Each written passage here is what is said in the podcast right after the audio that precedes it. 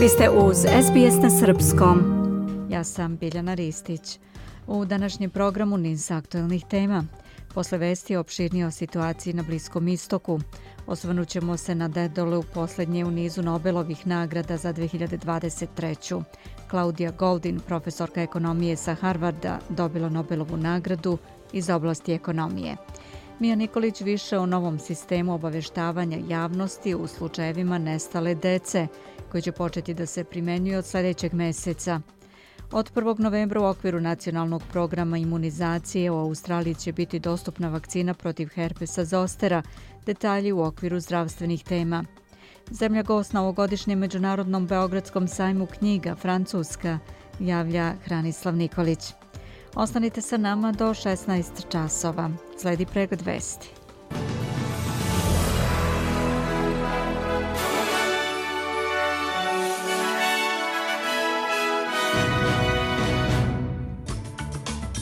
Stotine ljudi na protestima ispred Sidnejske opere dok tenzije na Bliskom istoku rastu.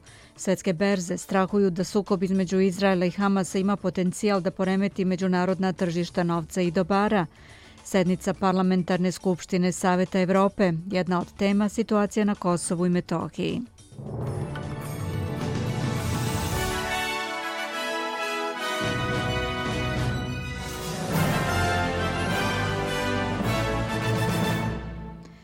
Policija Novog Južnog Velsa saopštila je da će raditi na bezbednosti svih zajednica nakon propalestinskog protesta u Sidneju sinoć.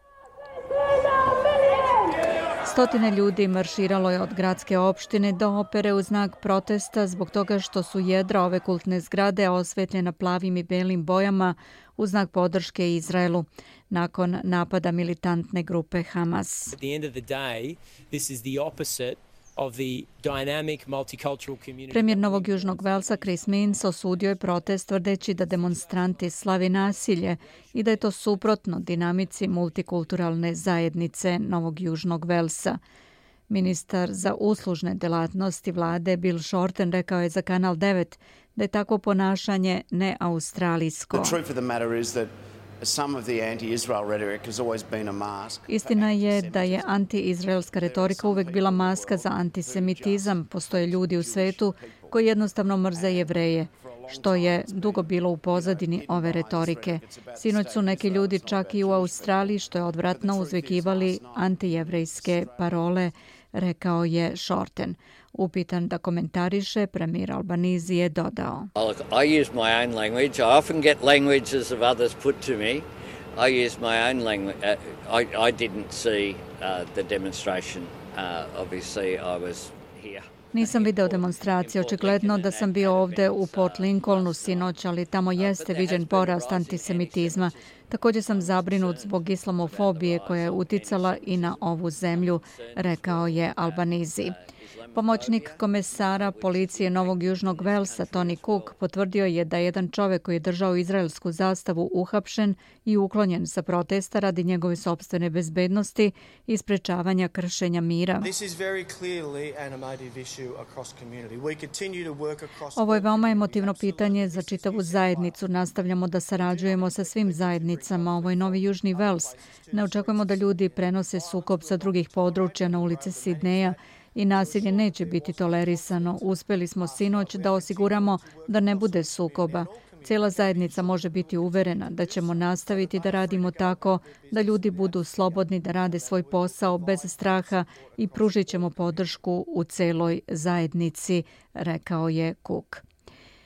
Izraelski premijer Benjamin Netanyahu kaže da zločini koje je počinio Hamas tokom napada na Izrael odražavaju one koja je izvršila džihadistička grupa ISIL. Izraelski mediji javljaju da je više od 900 ljudi ubijeno u Izraelu i u Gazi. Palestinske vlasti kažu da je više od 500 ljudi poginulo u napadima odmazde. Značajna eskalacija sukoba je posljednja u dugotrajnom sukobu između Hamasa i Izraela. Hamas je palestinska vojna i politička grupa koja je dobila vlast u pojasu Gaze nakon pobede na parlamentarnim izborima 2006.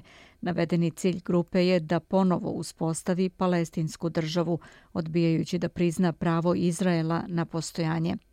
Gospodin Netanjahu je ispričao kako su neki Izraelci ubijeni tokom upada Hamasa, rekavši da je brutalnost slična onoj koju je sprovodio ISIL. The atrocities committed by Hamas have not been seen since ISIS atrocities. Zverstva koje je počinio Hamas nisu viđena od zločina Isila. Zvezda, zavezana deca, pogubljena zajedno sa njihovim porodicama, mladići i devojke upucani u leđa, pogubljeni. Ostale strahote neću ovdje da opisujem. Od uvek smo znali šta je Hamas. Sada ceo svet zna. Hamas je Isil i mi ćemo ga pobediti baš kao što je prosvetljeni svet pobedio Isil. Ovaj podli neprijatelj je želeo rat i dobit će rat, rekao je Netanjahu. Savet bezbednosti Ujedinjenih nacija održao je hitnu sednicu iza zatvorenih vrata zbog eskalacije izraelsko-palestinskog sukoba, ali nisu preduzete hitne mere, prenosi Associated Press i navodi da su Sjedinjene države zahtevale od svih 15 članica da oštro osude napade koje počinio Hamas. Zamenik američkog ambasadora Robert Wood potvrdio je kasnije da je priličan broj zemalja osudio napade Hamasa, ali ne i sve zemlje članice Saveta bezbednosti. Počasni konzul Srbije u Izraelu Aleksandar Nikolić kaže za radioteleviziju Srbije da se vode borbe u još tri od prvobitno 21 žarišta na liniji razgraničenja sa pojasom Gaze, ističući da su državljani Srbije koji su živeli u Kibucu u tom delu zemlje evakuisani. E, ono što mi je e, posebno drago da mogu da žuriram da su naši državljani koji su inače bili žitelji jednog od Kibuca, ne želeći da ga imenujem iz očiglednih bezbednostnih razloga danas oko 10 časova i 30 minuta evakuisani, tako da su oni sada na bezbednom i polako, ako govorimo o tom iminentnom području u samu zelenu liniju razdvajanja, stanje je nešto bolje.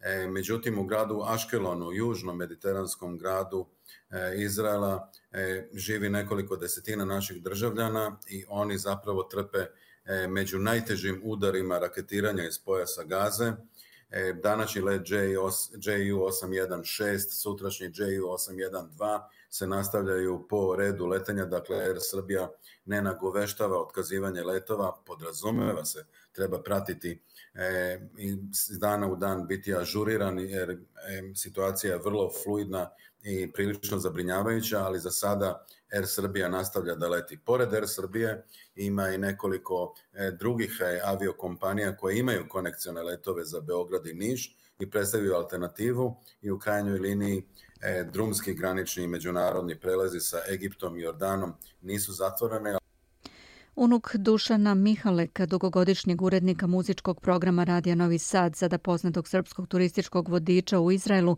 nestao je u blizini granice sa gazom. Veruje se da su ga oteli pripadnici Hamasa kada su upali na muzički festival u subotu, javio je dnevnik prenosi glas Amerike. Informaciju o nestanku je na svojoj Facebook stranici potvrdio Mihalek. Inače, kako je javila Agencija za spasavanje Zaka, Pronađeno je 260 tela na lokaciji gde se održavao festival Supernova u pustinji u Južnom Izraelu u vreme jevrejskog praznika Sukot.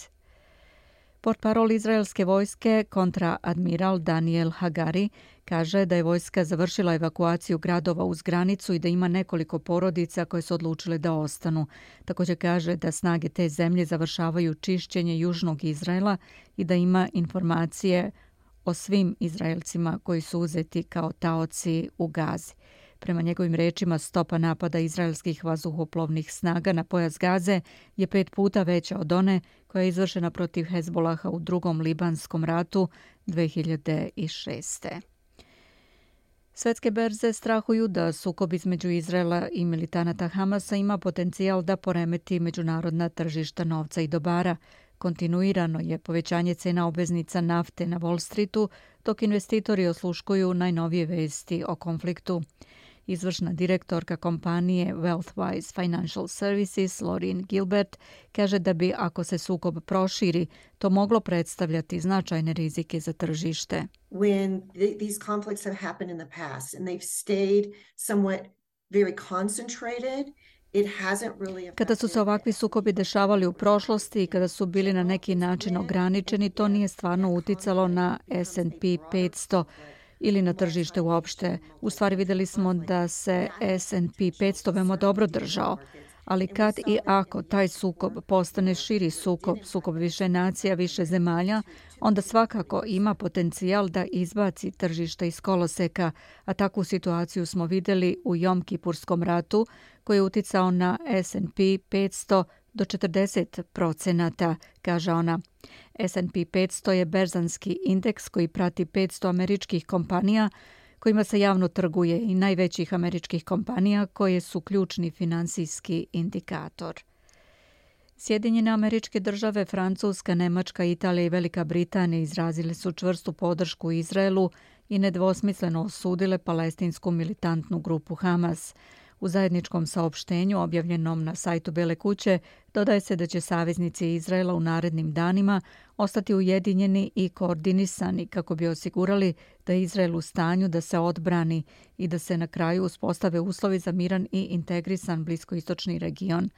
A u Briselu će se danas održati vanredni sastanak šefova diplomatija zemalja članica Evropske unije posvećen situaciji u Izraelu i regionu kako je na društvenoj mreži X napisao visoki predstavnik Evropske unije za spoljnu politiku i bezbednost Josep Borelj. 15 časova 11 minuta je slušate pregled vesti. Predsjednik Republike Srbije Aleksandar Vučić i premijerka Srbijana Brnabić sastaće se danas sa predsjednikom parlamenta Iraka Muhamedom Rikanom El Halbusijem. Na odvojenim sastancima saopšteno i službe predsjednika za saradnju sa medijima iz vlade Srbije. Nisu dati detalji tih razgovora. Umeđu vremenu sednica parlamentarne skupštine Saveta Evrope, na kojoj jedna od tačaka dnevnog reda bila situacija na Kosovu i Metohiji, završila je rad, a zasedanje će se nastaviti danas. Članica delegacije Srbije u parlamentarnoj skupštini Saveta Evrope Elvira Kovač ocenila je za Tanjuk da je rasprava u tom telu o skorašnjim dešavanjima na Kosovu i Metohiji bila objektivnija nego inače.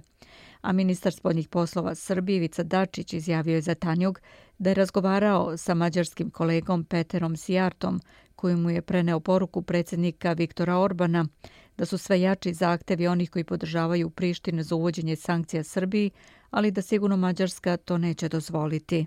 Rekao mi da je tu poruku slobodno mogu da prenesem i predsjedniku Vučiću i našoj javnosti. Naravno da je to za nas e, veoma, veoma bitna stvar, zato što pokazuje da naši prijatelji zaista veruju u ono što radimo i da je to prijateljstvo koje je iskovano između Mađarske i Srbije zaista sada pretvoreno u to međusobno povjerenje e, i podršku. I na kraju ovog bloka Amerikanka Claudia Goldin, profesorka ekonomije sa Harvarda, dobila je Nobelovu nagradu za ekonomiju za 2023. za proučavanje mesta i uloge žena na tržištu rada, saopštila je Švedska akademija nauka. Ona je tek treća žena koja je dobila Nobelovu nagradu za ekonomiju. Da pogledamo i kolika je vrednost australijskog dolara danas prema američkom, 64 centa, 61 eurocent, 52 britanska penija i 71 srpski dinar, 14 para. Ukratko iz sporta, Branko Cvetojević. Futbolska reprezentacija Srbije počela je pripreme za naredne dve utakmice kvalifikacija za Evropsko prvenstvo u Nemačkoj. Orlovi igraju u subotu u Mađarskoj, a zatim u ponedeljak protiv Crne Gore u Beogradu.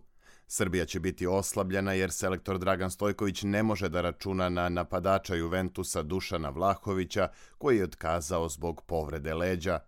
Srbija je posle pet odigranih mečeva druga na tabeli kvalifikacione grupe G sa 10 osvojenih bodova.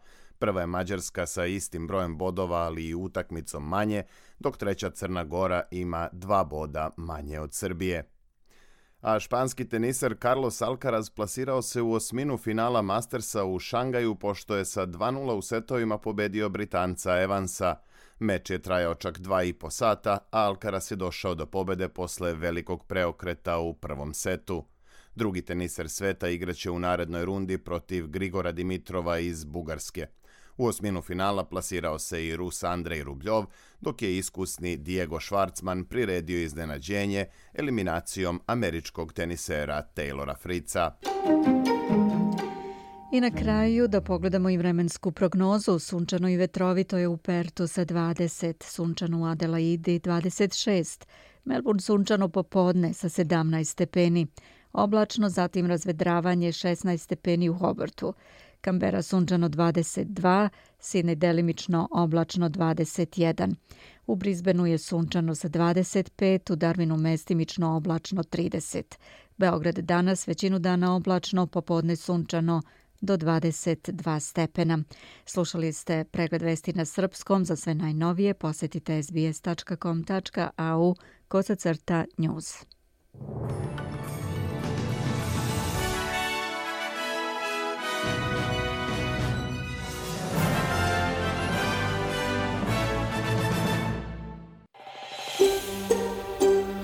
Želite da čujete još priča poput ove?